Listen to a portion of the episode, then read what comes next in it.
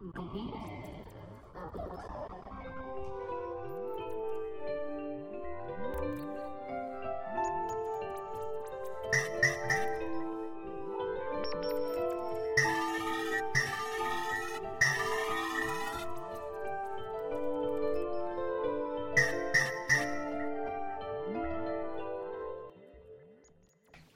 bones. Luxe total està aquí amb en Joan Miquel Oliver i avui, eh, tot i que tots coneixem la seva faceta pop, la seva faceta d'escriptor, eh, Joan Miquel va fer un disco instrumental l'any 2020 o el 2021? Crec que sí. 2020. Sí, eh? 2020. Un disc excepcional, en primer lloc perquè és un instrumental i no tots els cantautors que es dediquen a fer música amb lletra, no? és una part essencial de la feina d'un cantautor pop, la música i la lletra, fer un disc sense lletra, instrumental, però és que a més és un disc dodecafonista i això és essencial per xerrar del tema d'avui, que serà dodecafonisme i intel·ligència artificial.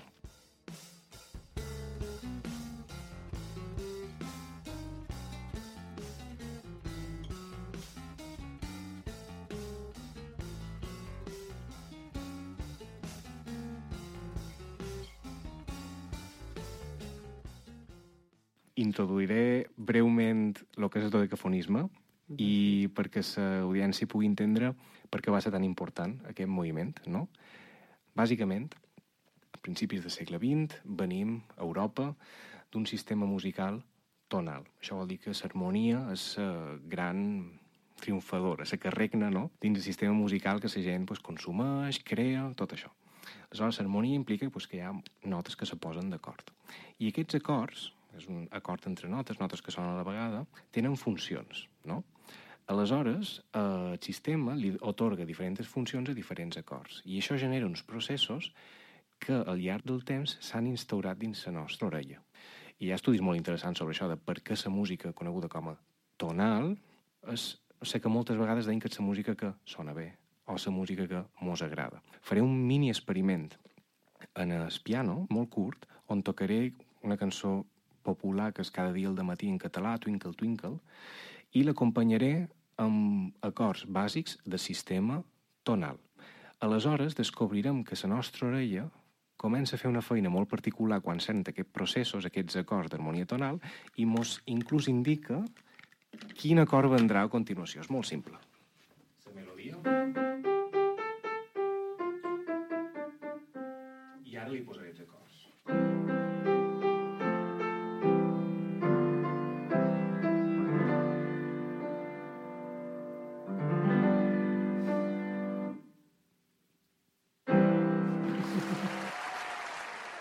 Només podia ser aquest. Només podia ser aquest. Se podria adornar amb algun, però acabaria sent aquest, també, no? Sí. Clar, això és molt, molt curiós, perquè eh, hi ha moltes teories, no? Ho tenim a l'ADN, és una cosa cultural. Què passa? Arriba el dodecafonisme, i el dodecafonisme diu, basta ja. Agafa les 12 notes i diu, totes tindreu un valor o igual o molt similar, i els compositors comencen a elaborar unes sèries i construeixen a partir d'aquestes sèries. Clar, la concordància és un concepte que no desapareix, però bueno, queda totalment relegat, i ara és la dissonància la que té alguna que dir.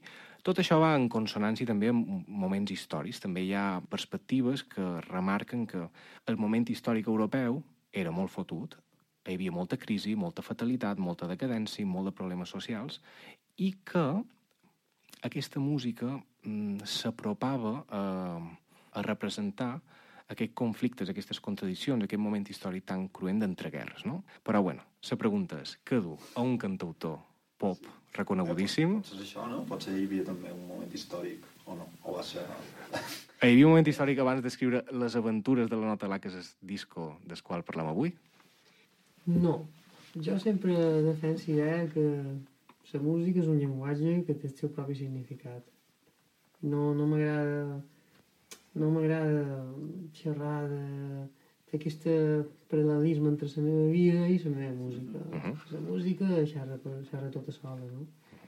I això que has explicat de si la música tonal, la música convencional, la música que fa segles que sentim i tocam, és una convenció o és una cosa de l'ADN, diguéssim, Jo crec que té molt que veure en sa, en sa física de, del so. Jo crec que en qualsevol univers que hi hagués àtoms, la música acabaria sent sempre la mateixa. Perquè és que té, això que has tocat ara té tanta lògica, però té, té lògica des de la física del so, no té una lògica cultural, ni perquè la cançó que ens sentim moltes vegades.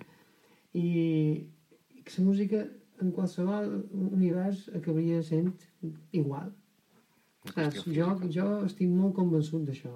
Té molta lògica, l'escala de la mi fa sol si està construïda amb tots els harmònics del so, diguéssim, i difícilment podria ser d'una altra manera. O sigui, el fenomen de l'octava, o sigui, do aquí i do allà, eh, és una cosa que és universal. En quant de, quantes subdivisions pot fer d'aquesta octava? Uf, Pues ni moltes ni poques, saps? L'interval de semitò és molt dissonant i, i l'interval d'un to pues, comença a sonar un poc millor. I ja està. Però és un tema de, de, de turbulència física de les zones d'aire. De- No és una qüestió sí. cultural, crec jo, no? Uh -huh, uh -huh. I això és el que du el fet de que a partir d'un to aquesta turbulència comença a ser agradable perquè comença a ser harmoniosa a un nivell purament físic, Uh -huh. això condueix a tot el sistema musical que tenim avui en dia. És molt interessant i és increïble com ser humà cerca paral·lelismes Mm. entre l'evolució musical, els fenòmens dels artistes, és a dir, els artistes que fan algo nou, revolucionari, eh, paral·lelismes amb canvis socials, revolucions socials, per explicar no, d'una forma antropològica moments històrics o moments Sí, humans. sí, sí, és sí. curiós. Tu, I crec que ho has parlat també en algunes entrevistes, no? de que els éssers humans li donam un valor cultural a la música afegit, extra, no? La música pot funcionar de forma autònoma. I això és un, una cosa molt interessant eh, i és un debat que, que va tenir molta força en el romanticisme, on precisament, a partir de la música de Beethoven, que va ser un gran revolucionari, i molt d'estudis comparen aquesta revolució amb la revolució francesa, no? per una qüestió d'i- d'idees, però la seva música és la primera que comença a ser sus- ser susceptible de ser interpretada amb connotacions extramusicals. Per exemple, la sonata de Clara de Lluna, no? que és tan Mm. evocadora, que surt a tantes pel·lícules, no? que Sí, funciona sí, tan sí. bé. Clar, aquest títol és una cosa... mm, No, és- ell no volia emular un Clar de Lluna amb aquesta música, no? De fet, Comencen a donar un significat a la música que... claro, Que no té. exacte, que no té... Aquesta és la meva lluita. Exacte. Però lo, lo interessant és quantíssima tinta s'ha utilitzat per parlar d'això, no? És al·lucinant ser ser humà, quanta energia pot invertir en, en això. Bueno, és que la música és així i ha acabat sent així. O sigui, l'exemple més clar són les bandes sonores. Uh -huh. Hi ha música de persecucions, música de el besito, música de tia sexy que surt damunt un piano a ballar, eh, música de, de, de, de, jo què sé, de, de espectres fantasmagòrics, o sigui, això és, és el que jo dic música figurativa. Uh -huh. És a dir, hi ha pintura abstracta i pintura figurativa. La pintura figurativa te pinta una cara, te pinta un piano, te pinta un paisatge. Sí. I la pintura abstracta fa ratxes. No? Jo considero que sense tota aquesta càrrega cultural, Uh -huh. la música sempre, sempre, sempre és abstracta. Tu no pots pintar un arbre amb música. Aquesta és la meva... No, Jo, de jo defenso aquesta idea. És superinteressant perquè això té un vincle també amb la intel·ligència artificial en el sentit de que un dels grans problemes de la intel·ligència artificial és l'hora de fer música i el que la diferencia entre fer un text i fer una cançó és que tu a una intel·ligència artificial li pots explicar una relació semàntica entre una paraula i el que ella representa. Per Mhm. exemple, una taula, i tu li pots arribar a explicar què és una taula. Perquè té quatre potes, però una música és molt difícil de dir que aquesta música té aquest significat, perquè no el té, com tu dius.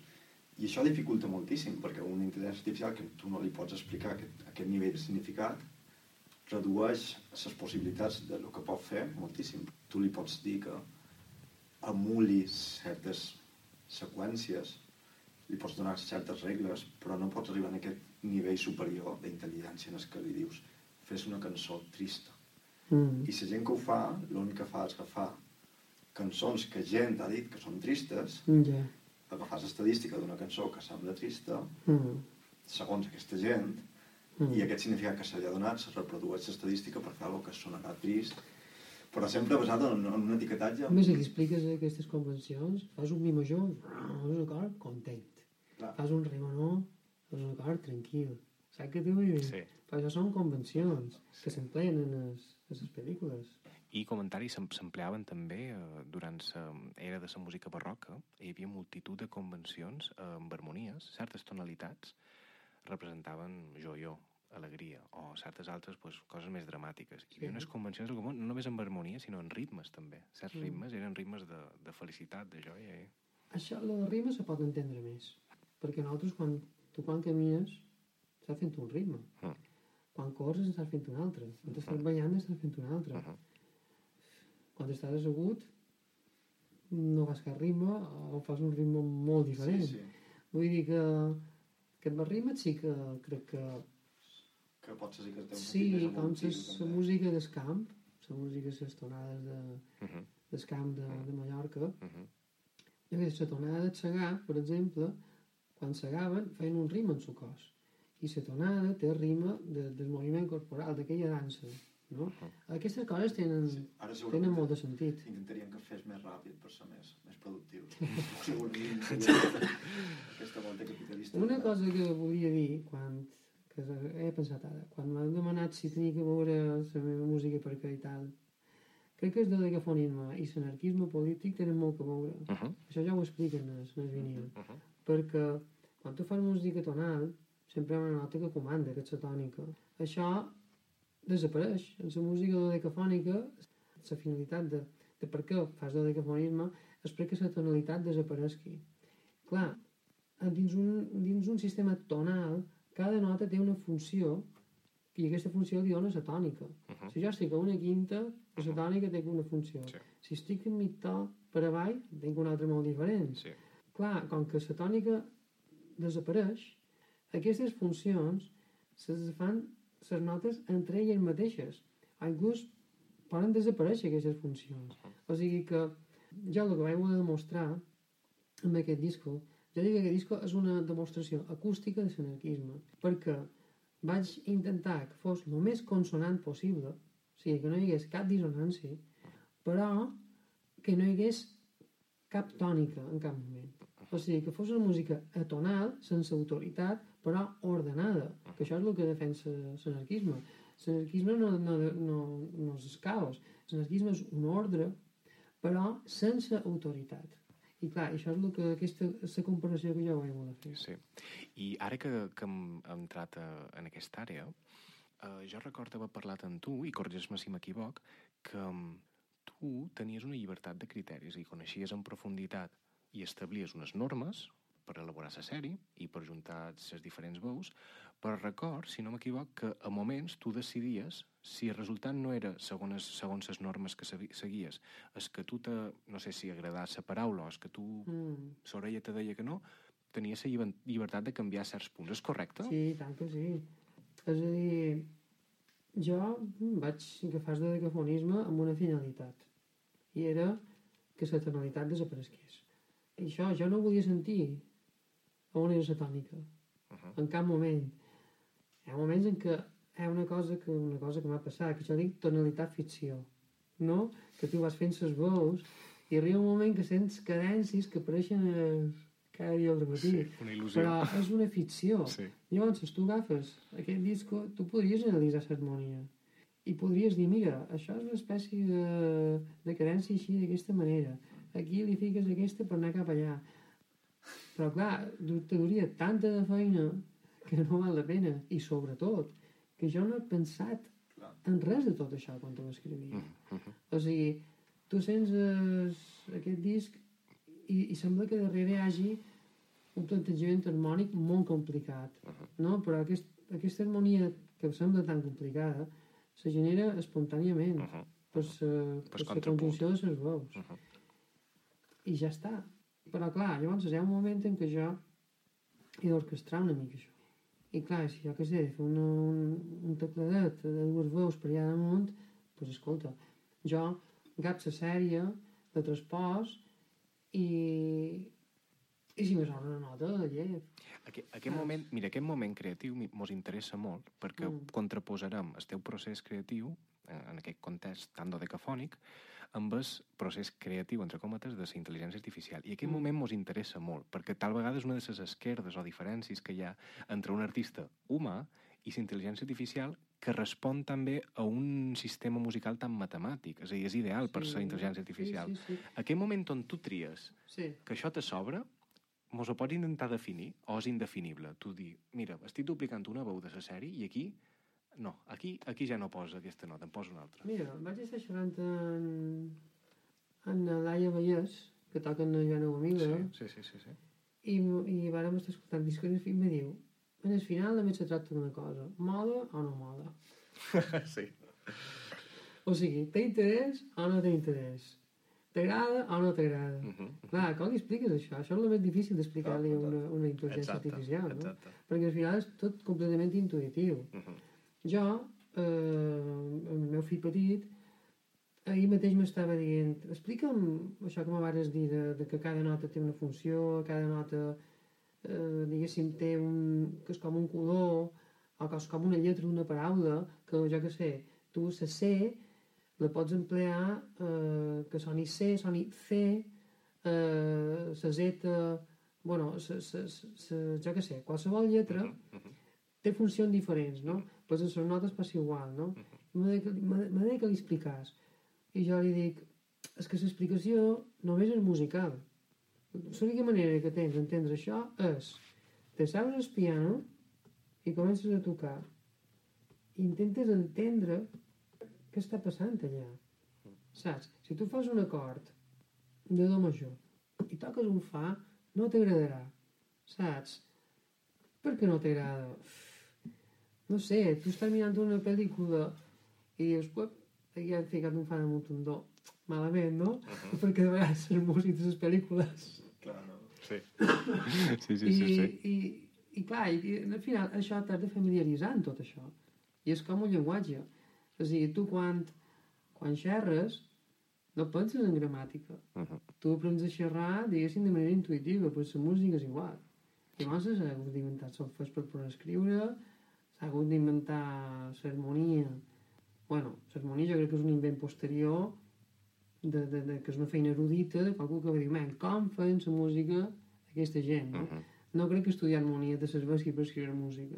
Uh -huh. O sigui, més aviat més aviat te pot arribar a molestar. Te pot arribar, perquè és sí. una pèrdua de temps, crec, Sí, no? sí, L'harmonia l'aprens tu. Jo tinc els meus principis eh, estètics eh, en la música, però ja la música és un fenomen físic. Uh -huh. I jo, de manera intuïtiva, sé quan està bé i sé quan està malament, que bé i malament és el meu criteri personal, Mhm, -huh. és meu gust. I s'ha acabat. Uh -huh. I estic 100% convençut que en Stravinsky ho feia així, també. Mm, sí. O sigui, que al final I Chopin. Mm. és, és, és, és Chopin sobretot. Saps? Perquè Stravinsky és més complicat i no m'hi pot pensar. Però que hi ha un Chopin amb el pianito. Va revolucionar l'harmonia. En Chopin l'únic que va fer és ficar la mà intentar fer una cosa que no fa de sempre. Totalment I s'ha d'acord. acabat. Totalment d'acord. Això és el que va fer. I, Sí. I per això, que això... Com li expliques tot això a un, ordinador? Ordinador. Això és en Chopin tocant el pianito. Aprèn, per favor.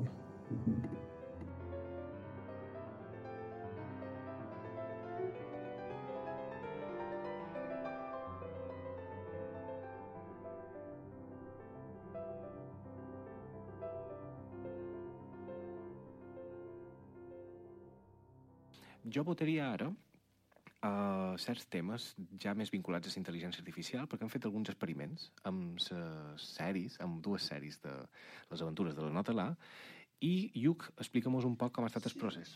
Sí, bé, podem introduir un poc també, perquè no sé quant d'informació tens d'intel·ligència artificial, el que se pot fer, el que no se pot fer... No, no ni idea. L- Jo crec que podem provar de definir amb una petita metàfora les, les dues variants de l'intel·ligència artificial i això ja mos, mos centrarà molt. Per exemple, anem a xerrar d'un color i seran del color verd, per exemple. Imagina que tu una màquina tens el color blau i és groc i li has d'explicar a una màquina que ha de fer el color verd. Uh -huh. Aquí hi ha dues opcions que es defineixen les dues variants de la intel·ligència artificial. La primera seria una intel·ligència artificial que aprèn en base a l'experiència, igual que nosaltres aprenem aquesta intuïció en base a escoltar música sempre, sempre, sempre, ja sabem el que, el que ve. En aquest cas, en base a l'experiència seria jo a la màquina li dono moltíssimes imatges del color verd. Mm. I li dic, ves provant de mesclar aquests dos colors, a veure si el trobes. I va provant, i va aprenent, i va dir, ai no, aquí estic molt en fort, massa oscur, massa clar, fins que al, al final encerta i diu, ara l'he clavat, perquè aquesta imatge és igual. Això seria aprendre en base a l'experiència, que és també com aprenen els humans moltes vegades. No? Hi ha músics que han après música sense, sense mai tenir unes regles, ells han escoltat música i han començat a fer en base a una experiència que, que ells tenien. I el segon cas seria en base a regles. Què passa? Si jo li he de dir a una màquina que facis color verd, és un problema molt simple. Perquè jo li podria dir, vale, jo sé quina és la proporció, és meitat i meitat. Idò, fes meitat i meitat i treuràs color verd. Llavors és molt més senzill d'explicar a Mm. una màquina què és el que ha de fer. Clar. Jo li dono les regles i no fa falta que li doni mil exemples. D'acord? En la música el que se pot fer amb intel·ligència artificial és un poc el mateix. Mm. Tu pots donar-li tota la música dels Beatles, que és el que van fer en este programa, dones tota la música dels Beatles i dius, vale, aquests són els exemples de color verd o de Beatles, Mm. ara fes una cosa que sigui com els Beatles. Què farà? Pues anirà provant coses i anirà intentant apropar-se en aquest equilibri que són els Beatles, amb un equilibri estadístic de quina és la seqüència que fa, quines són les harmonies, se pot intentar apropar. O el que han fet avui, que és donar-li unes regles. En aquest cas, és, has de fer aquestes melodies que han de ser sèries o decafòniques. Per tant, una regla és que només pots utilitzar les 12 notes, un pic, fora repetir-la. Mm.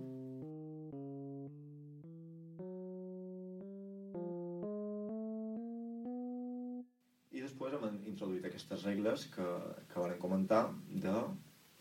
En el primer cas serà que li poden donar un interval per fer variacions d'aquesta sèrie. Serà com un poc un, un cànon, que se diu, no? Quan utilitzes Sí. una mateixa melodia. Però seria utilitzar la mateixa, exactament la mateixa sèrie a una altra altura. Vale? Que això se pot decidir Mm. també.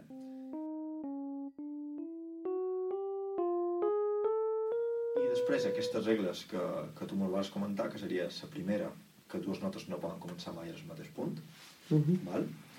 i una segona, que entre dues veus no hi pot haver aquest interval dissonant d'un semitó. D'acord? Ficam aquesta idea i el que produïm són, en aquest cas, van fer tres veus amb una de les sèries. Val, un segonet. passa? Uh, resumir, a banda de pagar resultat, per traduir un llenguatge menys tècnic, li hem donat a la intel·ligència artificial unes regles a seguir, que són les normes, més o menys, que en Joan Miquel mos ha indicat, perquè són les que ell més o menys va emplear per escriure les aventures de la Nota-La. Això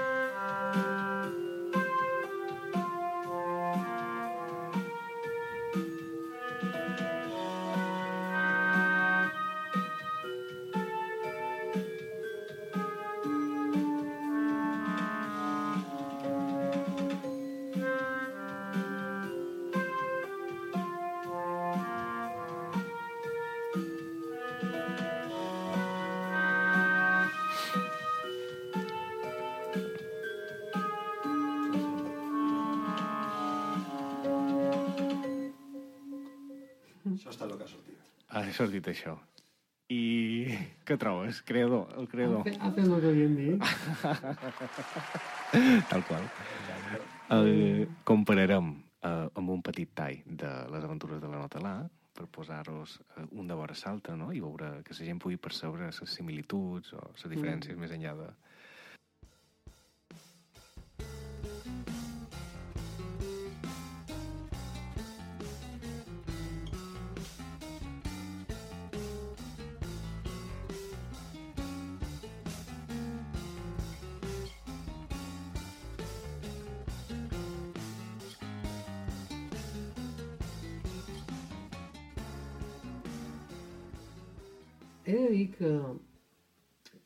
tipus de música se podria emplear intel·ligència artificial, seria amb aquesta. Uh -huh, uh -huh.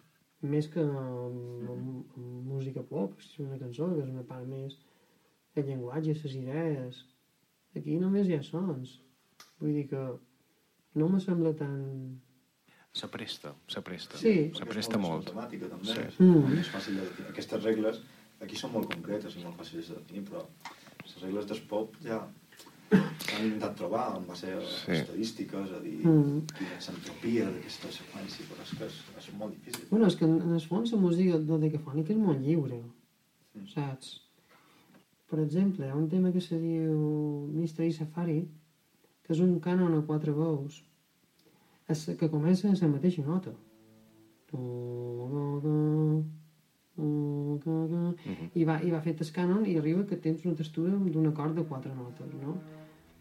Clar, jo crec que, per exemple, jo sí que sí que, que, que podia fer més bona feina, no? Perquè és que si t'expliques bé, és una cosa molt més... Tal, aquí, pf, aquí la música dodecafònica fa molta feina la teva imaginació. Tu agafes la mateixa sèrie, pots fer músiques absolutament diferents. Mhm. De fet, en aquest disc hi ha dues sèries només. O dues i una tercera que és una, una de les primeres un poc modificada, vull dir, i són temes molt diferents, moltíssim. Sí, ara que comentaves això, crec que també per la, la gent que mos escolti serà interessant de preparar-les un, un dollet, però és, hem tonalitzat una de les sèries que has em, empleat, no? Mhm. Hem xerrat de, de lo antitonal, atonal, que és abolir la tònica, no? aquesta qüestió Sí. jeràrquica. Aleshores, hem agafat sa, sa, una de les sèries, però l'hem tonalitzada, no? li hem posat acords tonals, des que xerràvem en el principi. Ho toco una vegada per, per veure també la quantitat de possibilitats que, que Sí, hi ha. molt bé. Perquè la gent ho escolti, tocaré la sèrie d'una forma molt clara,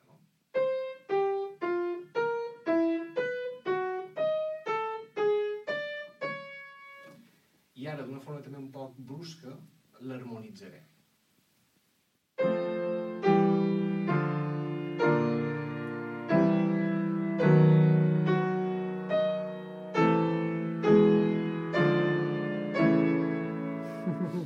I ara li otorgaré un valor cultural extra des que parlàvem i li donaré un aire com a entre eteri i crepuscular, Molt bé. amb la mateixa harmonia. Hòstia,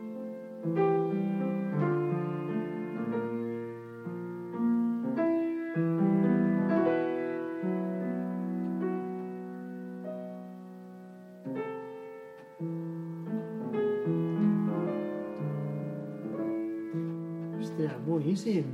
Podries fer, podries fer una versió de, de, Podríem fer- harmonitzacions. Aventures de la nota per versió wa- wagneriana o maleriana, no? de final Sí, del sí, segle sí, sí, XIX. sí.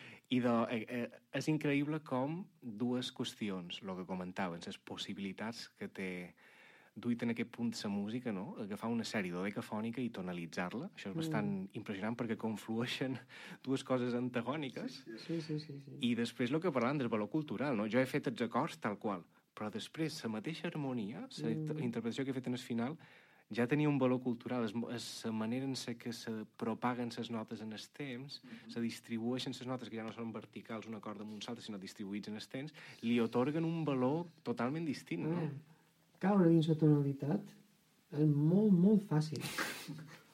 Perquè basta que toquis una nota un poc més llarga que l'altra, tu ho dic distribuir Sí, sí. els temps, eh, i ja l'orella ja s'aferra en aquella nota. Després té lo de la tonalitat ficció, no? Que Mhm. jo dins això tot el temps, tot el temps, tot el temps, me deia, això és la tònica, això és la tònica, això és la tònica. I he tingut diverses maneres de lluitar amb això, no? Una ha estat que la darrera veu que escrivia era el baix. Perquè, clar, Vale, claro. el claro. baix és el que t'està dient, eh, t'està donant el to, no? Clar. La nota greu és la base del so, no? Mhm.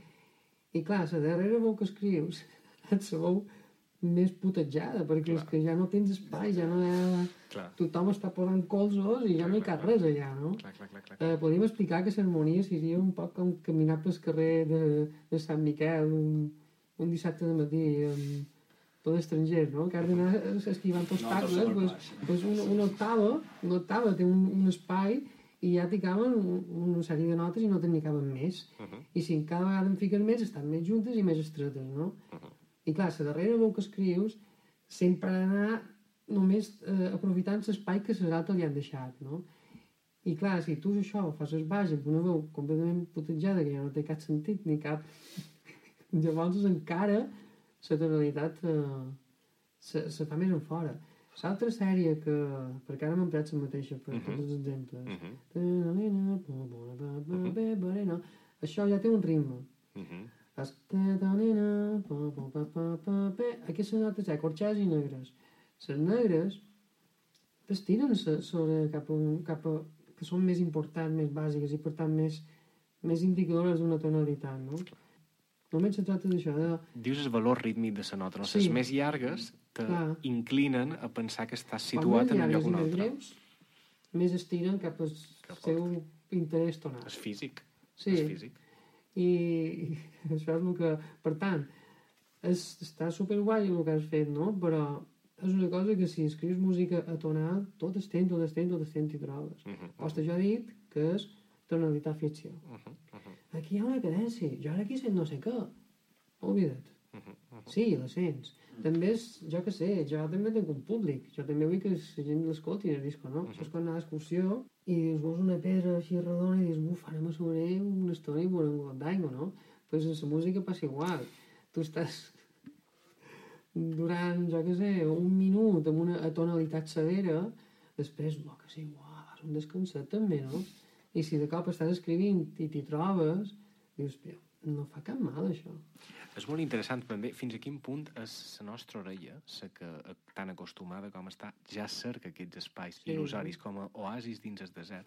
Posaré una, un exemple molt curiós i molt, molt famós de la cinquena sinfonia de Beethoven, l'inici. És una sinfonia que està en do menor. Mm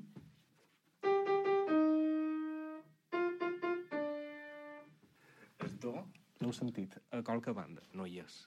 Sol, sol, sol, mi bemoll, fa, fa, fa, re. Són les notes d'aquest, de l'inici més famós de, de, de, de música de Beethoven, no?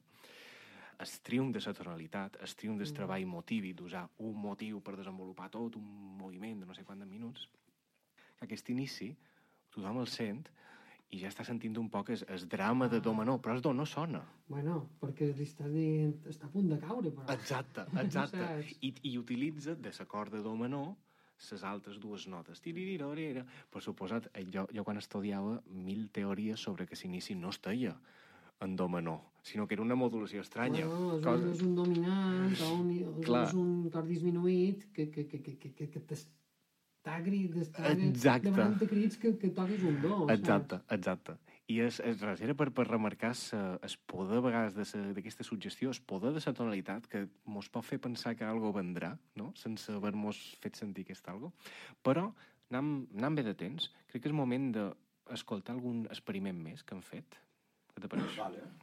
Per exemple, a mi m'agrada molt les de les campanes del Big Ben.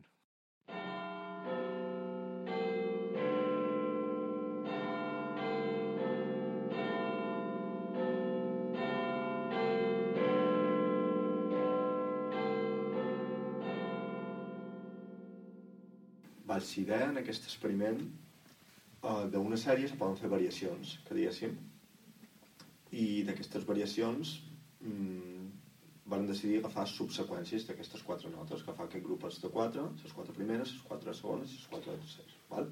Sí. Perquè crec que això era com havies funcionat tu Sí. de, de crear les escales. I la idea era que podíem dissenyar un, un algoritme que el que fes és que intentés ordenar aquestes quatre notes intentant seguir una, sequ un, una seqüència intervàlica, és a dir, per exemple, pues, fer dos, dos i un, dos semitons, dos semitons i un semitó. Uh -huh. Bueno, i quina seqüència donem? Perquè quins són aquests intervals que decidim? I vaig cercar i van trobar les campanes de Big Ben, al final són quatre notes, que crec que baixen, baixen dos, dos i cinc semitons, ¿vale? I era com poden agafar aquesta sèrie i fer-li voltes en aquestes idees per Uh -huh. arribar a trobar aquesta, que s'apropin en aquesta idea. Val? I això és un poc el que vam fer. Uh, és amb un piano, però clar, aquí tornem en aquest tema de textura. Tu crees això matemàtica, és una sèrie de notes, després hi ha una feina de dir quina textura, quin instrument li dona cada, Sí. cada sèrie, que és una feinada que, que això sí que una intel·ligència artificial és molt més difícil. Uh -huh. Perquè així com poden definir seqüències de notes, definir textures, És timbre. és timbre, això és molt complicat, matemàticament. Uh -huh. És, és un, una feina que jo crec que encara està molt a fora.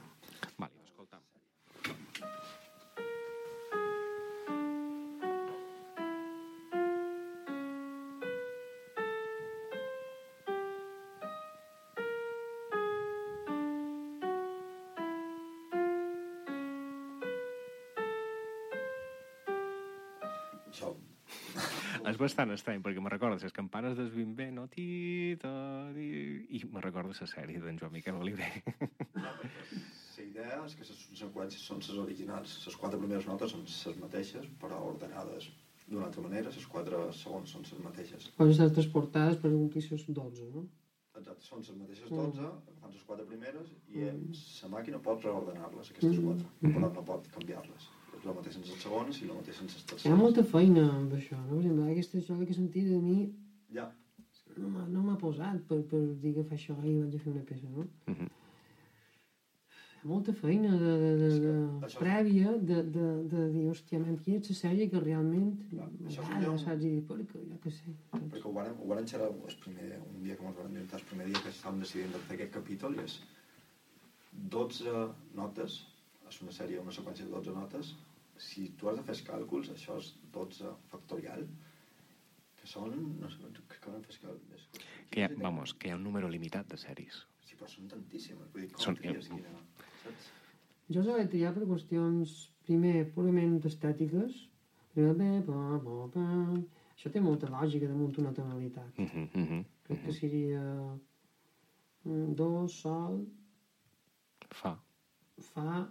Si bemol, Si per bemol, exacte. exacte, no? Uh -huh. Té, té, és, paral·lel. Són notes molt properes. Sí. De, sí. Vull dir que me, però va sortir aleatori, va sortir així. Jo què sé, és que ja t'he dit que hi ha molta feina de... de... Per què he triat les, les sèries, no? Per una qüestió estètica i per una qüestió pràctica. Jo el que volia evitar, per tots els mitjans possibles, que no tots els decafonistes ho han fet, és la dissonància. Clar, el que deien de sobtada, no hi cabem, saps? Anem a intentar el, el, el mínim rosse possible, no? Per això vaig agafar aquesta, que són les quatre del mig, les quatre de baix i les quatre de dalt. Això, diguéssim, té aquesta forma. Això és una forma que, de melodia, saps? Que, que és molt familiar. O sigui, les melodies són així. Uh, les melodies uh, van així, pugen i llavors baixen. Aquesta només fa recta, baixa i puja i acaba dalt, però llavors, segon que el t'aferris la pròxima, la pròxima volta, torna a baixar. Clar, clar. O sigui, creia un poc que, que aquests clímax, diguéssim, diguéssim, aquesta curva melòdica més familiar, no? I jo aquí tinc una pregunta, perquè tu deies en el principi que aquí xerraves de, de que la música era un fenomen físic i que les harmonies nosaltres les enteníem Mm. les bones com un fenomen purament físic. També s'està estudiant a un nivell de neurociència, inclús de comprendre també a un nivell de, de seqüència i d'estructura. Mhm. Perquè, clar, una cosa són les harmonies, però l'altra és mm, si hi ha molta repetició, si hi ha molta ale- aleatorietat, Mm. mm. perquè mos agrada que tot sigui repetit. Això és superimportant, el que dius. Jo quan sento una melodia, melodies que vaig sentint pel món, melodia qualsevol, de qualsevol instrument o cantada, hi ha notes que canten més que les altres. Ja sigui per la interpretació, perquè són més llargues, perquè s'han tocat més fort i tal. Vale, aquesta nota ja l'has dita. Mm, ha d'anar molt alerta quan torni a sonar. Perquè servei fa fe... és memòria, és memòria això, saps?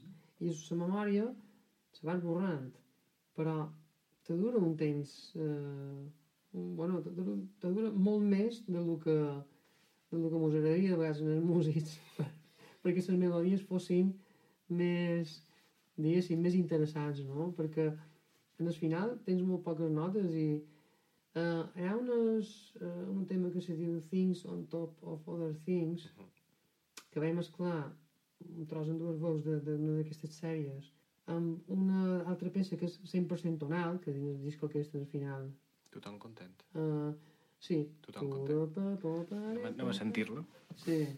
És, és una bona lliçó de desplegar una melodia, perquè és una melodia molt llarga.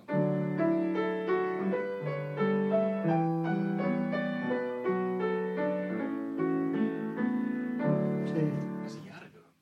Pues aquesta melodia la vaig escriure procurant tot això, no? És a dir, la memòria, aquesta nota ja l'he dita. No volia fer arpegis. O sigui, no faig tres notes seguides ni per amunt ni totes seguides per avall perquè no tingui la connotació d'acord. Uh -huh. Perquè un arpegi al final és un acord les notes separades i la memòria la converteix en un acord. I va- m'ha m'ha menjat moltes coco per fer aquesta melodia, ara que l'has tocada. Uh -huh, uh -huh. No, no hi ha cap vot de més d'una quinta. Ja t'he dit. Po, po, pe, po, pe, pe, po, pe, pe, O sigui, si tu la- l'analitzes, veuràs que, que hi ha que també es com si hagués seguit unes normes, no?, Sí, per escriure, sí. no? Si traces entre les notes, si les veus un pentagrama i traces una línia entre Mm. les notes, te queda un dibuix i una línia Sí, no recta completament, no, sinó molt formosa, no? amb una forma molt, molt Mm. elegant, inclús, que té un punt climàtic o àlgid, torna a baixar i després l'horarín... Inclús té una coeta en el final, és a dir, no és ni tan sols un, un pujar i baixar i ja sí, està, no? sí, sí, sí.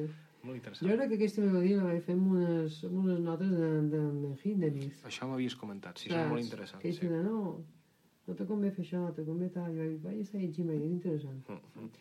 Llavors hi ha una versió d'aquesta melodia de dues veus damunt una sèrie de degafònica a dues veus també, que són Sí. sí. quatre veus, i està harmonitzat. Mm. O sigui, no sents cap dissonància. Saps? Això és una cosa que també vaig voler provar. Abans quedem... I al final, clar, quan entra aquesta melodia, tu, tu, tu, de cop tu ja sents un to. Clar, la part de decafònica, que hi ha a baix, quan apareix aquesta melodia, se converteix en un acompanyament, diguéssim, jo dic, torturadet. Sí. saps? Però no hi ha una dissonància, no sents una turbulència allà, no? Que era un poc la meva intenció, no?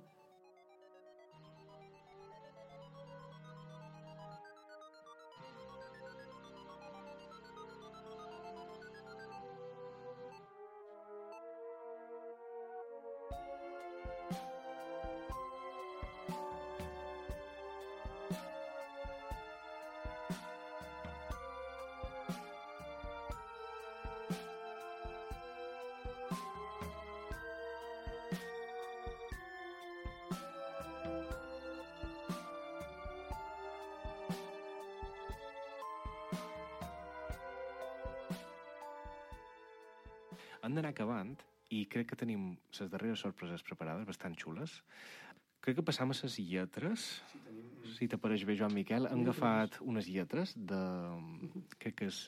Per quina començam, Lluc? Um, podem començar amb Somies, per exemple. En Somies. Què han fet, Lluc? Explica'm-ho. Val, aquí sí, de, bé, perquè al final les teves lletres també és un, un, una marca personal, diria, que és Mm. a nivell de... Bé, el que chamem el tema pop, el tema vessant més pop.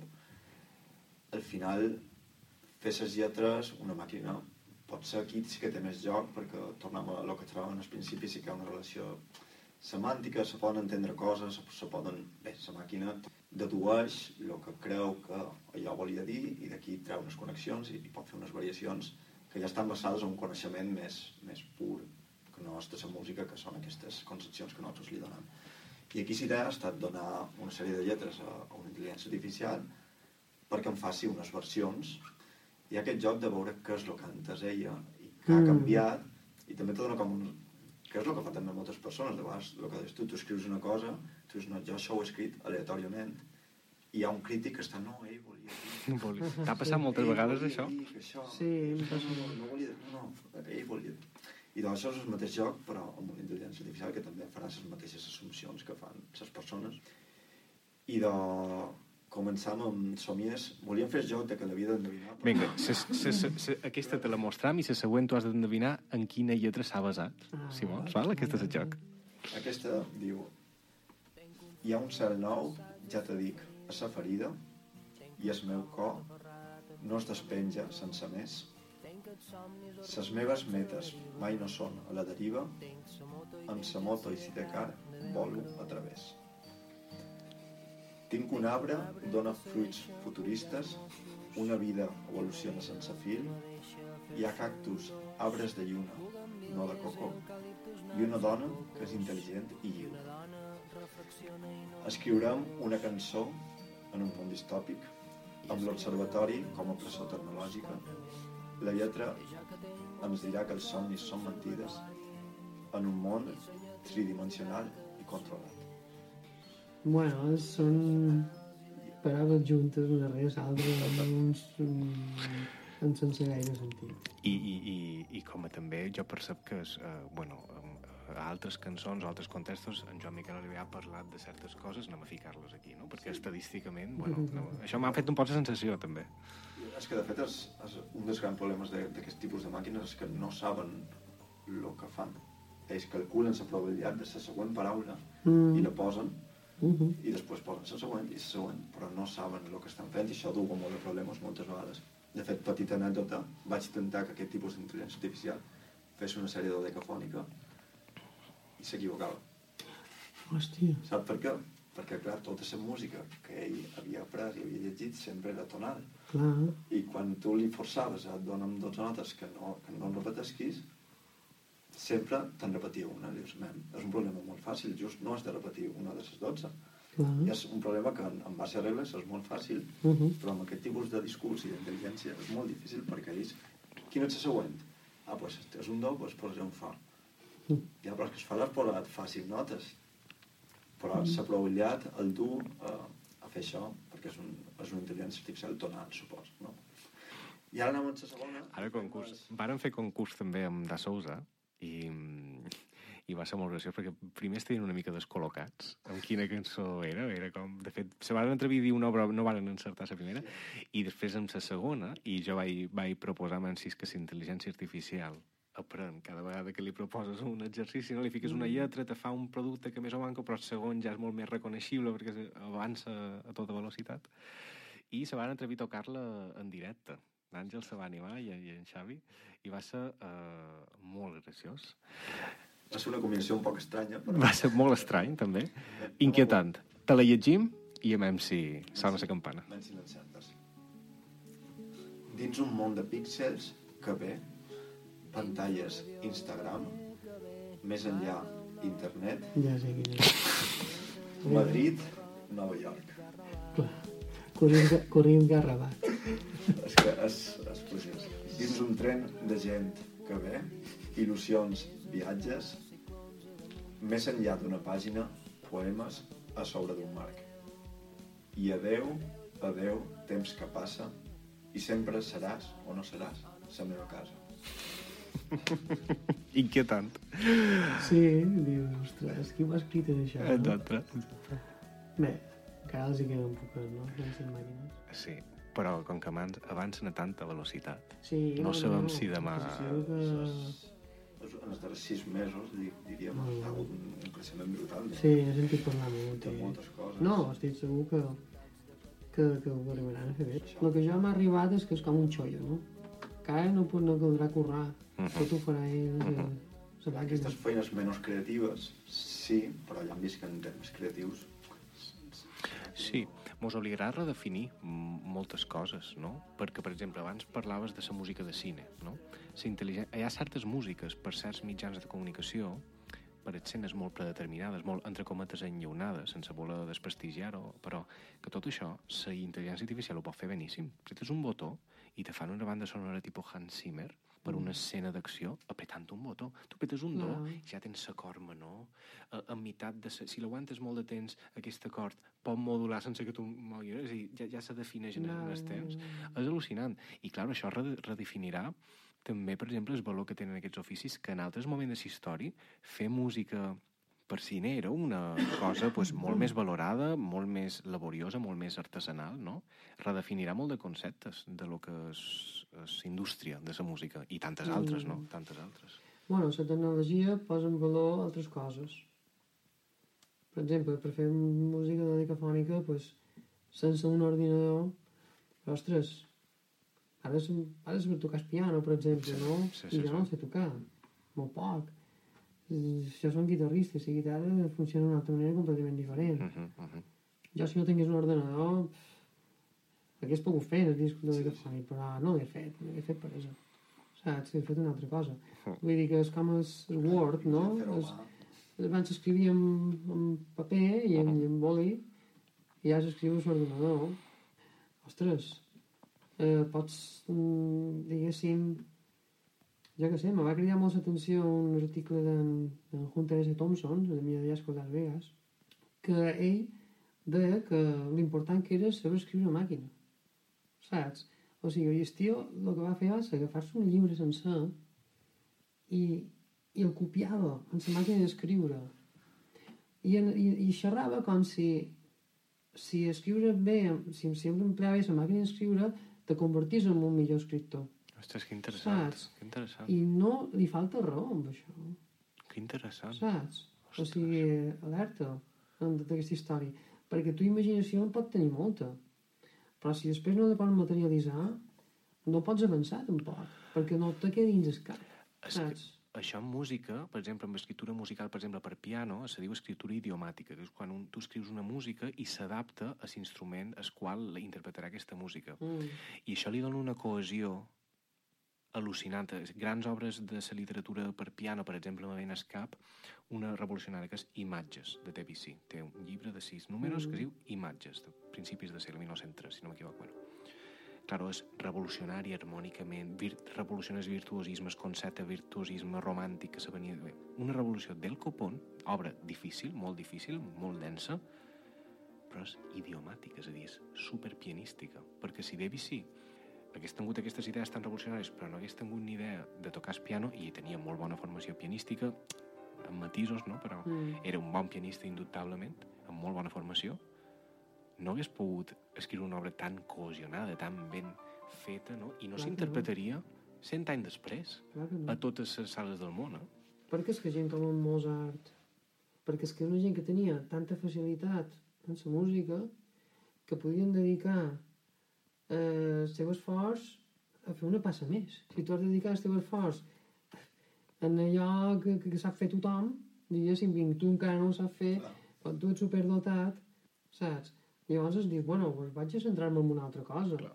I això les màquines t'ho permeten. Clar, clar. És com una calculadora. Uh -huh. O sigui, un matemàtic, la calculadora li ajuda molt, Mhm. perquè pot dedicar la seva intel·ligència a altres qüestions que no, és- que no és fer purament el càlcul, no? Jo tinc un amic que és professor de matemàtiques i ell me diu, jo som molt partidari que els nens empleïn la la calculadora, saps? Perquè llavors, en un moment, jo els hi puc explicar coses més complicades. Si s'han de saber les taules de multiplicar, que nosaltres ens obligaven a aprendre, sí. no els hi puc explicar, he d'esperar que se'ls aprenguin, que per tal vegada tarden un any.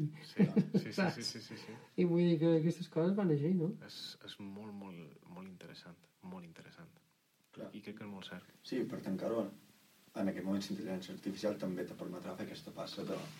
Si tu, per exemple, volies provar com funcionaven tres veus, però havies de perdre, no ho sé, dues hores en Mm. quadrar les tres veus perquè no rompessin aquestes regles, si tu una vegada t'ho fa en un segon, perquè és literalment el que tarda, tu ja pots centrar-te en una part. Se m'acaba de córrer una cosa, i és que tal vegada se podria inventar per, per acabar coses, més que per començar-les. Saps? Clar. Jo tenia tota la pantalla mia així de grossa, plena de notes, saps? I anava escoltant. I de, conyo, què és això? No m'agrada. I anava a mirar el que era, no? I veia que hi havia un, un rosse, no? Allà. I, ff, i m'havia de buidar el cap. Sí. O millor, movia aquesta nota i agafava l'altra, no sé què.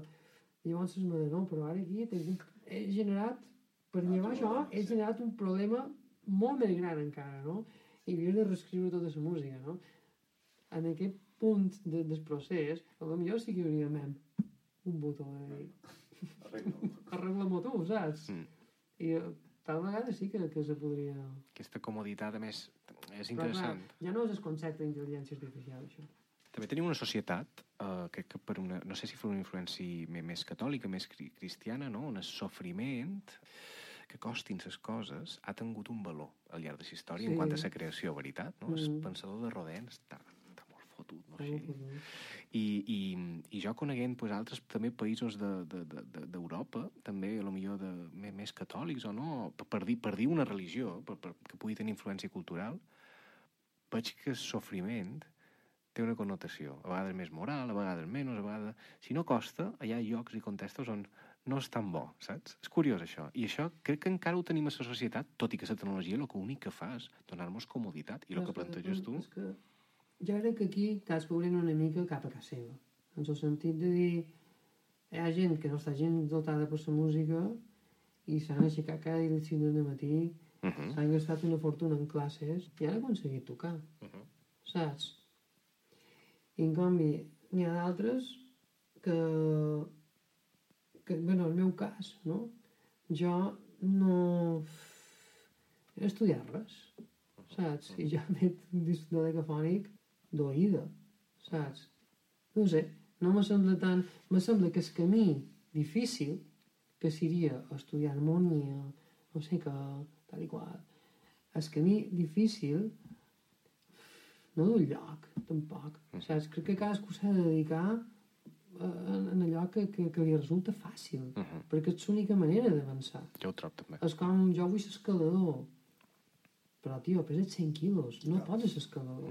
Però té molta força, ja, però n'has de pesar 60, saps què t'ho vull dir? No molt. I ja està.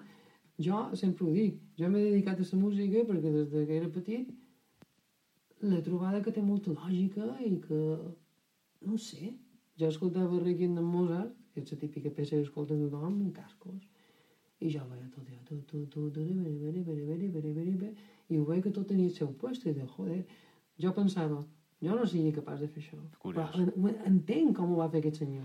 Jo Saps? record... I, i jo era petit i pensava, clar, és que tot, tot, tot el seu puesto tal, i entenia perfectament com se feia no? I per això, per això m'he fet músic, perquè me resulta molt fàcil. Rec record, eh, m'encanta que diguis això i per contraposar també dos, dos itineraris musicals distints, perquè jo m'he dedicat a la interpretació i he tingut una formació acadèmica, no? I també me dedico a la música. Recordo un moment amb, diria que 9 anys, jo estia matriculat en el conservatori perquè tenia aptituds, hi havia pianos a casa meva predina, tal, i Mm. bueno, m'aren apuntar música i jo volia i tal. Però jo no estudiava, no estava ni motivat, ni tenia professors que me motivessin i, i bueno, sí, tenia bastant de talent, diuen, però, però no, no estudiava gens a casa, res, res. I una vegada, eh, clar, van dir, meu, mon pare va dir, bueno, ma mare li va dir, no, meu, Magí, has estudiat hora baixa, te pots seure amb ell un dia, encara que sigui un dia a la setmana, que se miri les peces, perquè mos feien exàmens d'obres de Bach, de Chopin, tal. I res, jo, no? I mon pare, pues, un dia, pues, tot responsable, se ja, Magí, Magí, no m'ho seure molts 20 minuts, obri això, mem, i mon pare no sabia molt bé què havia de fer jo, no? I jo m'assec i no, ah, era un preludi de Bach. Encara, a dia d'avui encara el, el puc tocar en qualsevol moment de lo gravat a foc que se m'ha quedat. I comença a llegir-lo amb ell de vora, una cosa inusual, però clar, que no hi havia altra manera, això, va, això només va succeir una vegada, no? Però recordo molt bé. I comença a tocar-lo, a llegir-lo, i li comença a dir mon pare, ostres, papa, això, ostres, té sentit?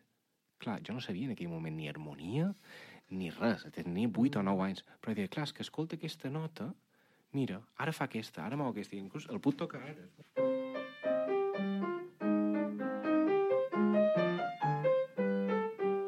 Tot aquest um, joc de veus tenia un sentit dins del meu cap i crec que és el que tu ara comentaves. Tu ho escoltes, no pots explicar a nivell teòric què està passant, però tu has entès la perfecció que una se cap aquí i l'altra cap aquí. Ai, quan aquesta se mou, aquesta... I... És que això és pur contrapunt. O sigui, les aventures de Notalàs, contrapunt. Uh -huh. No hi ha en cap moment nyoc, cap, cap acord tot això. Sí, és contrapunt. I la música pop faig igual. Uh -huh. Uh, hi ha una cosa que ve de la tradició del rock i del pop, que és que el bombo i baix van igual. El meu disco van diferent, Uh -huh. perquè tinc una mentalitat contrapuntística, saps? I m'he donat compte que quan mesclam el disco és un problema que el bombo pega, el baix pega, i té una quantitat de greus brutal. Vaig pensar, no podíem fer que el baix tocàs una corxà més tard tot. I així m'ho estalviant tot aquest patiment. I és una cosa que, que he arribat tot sol per aquesta mentalitat del contrapunt. I el meu discos, tu escoltes eh, el meu discos i els baixos estan fets així. Inclús en els pegassos el baix està en el bafle de la dreta. Perquè no me quadrava que el bombo i el baix trossin per el mateix bafle. Al·lucinant, al·lucinant, al·lucinant.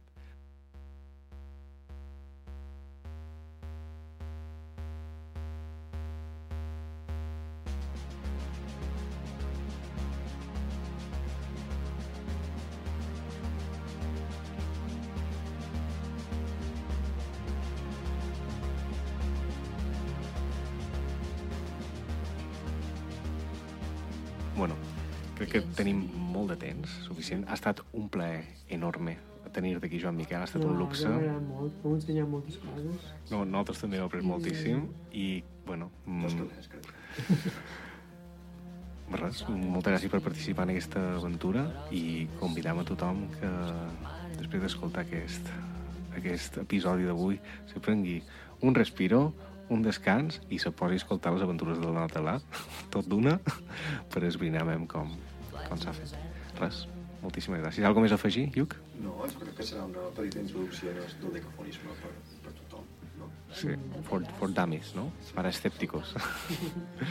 Molt bé, doncs moltíssimes gràcies, Joan Moltes Miquel. gràcies per convidar-me. Venim de Pegasus, cercant posicions, tenim poderoses raons. Venim de Pegasus, solcant oceans, tenim episodis passats i ens tenim. Salistre, portes obertes, lliris borratxes, dins ses dunes.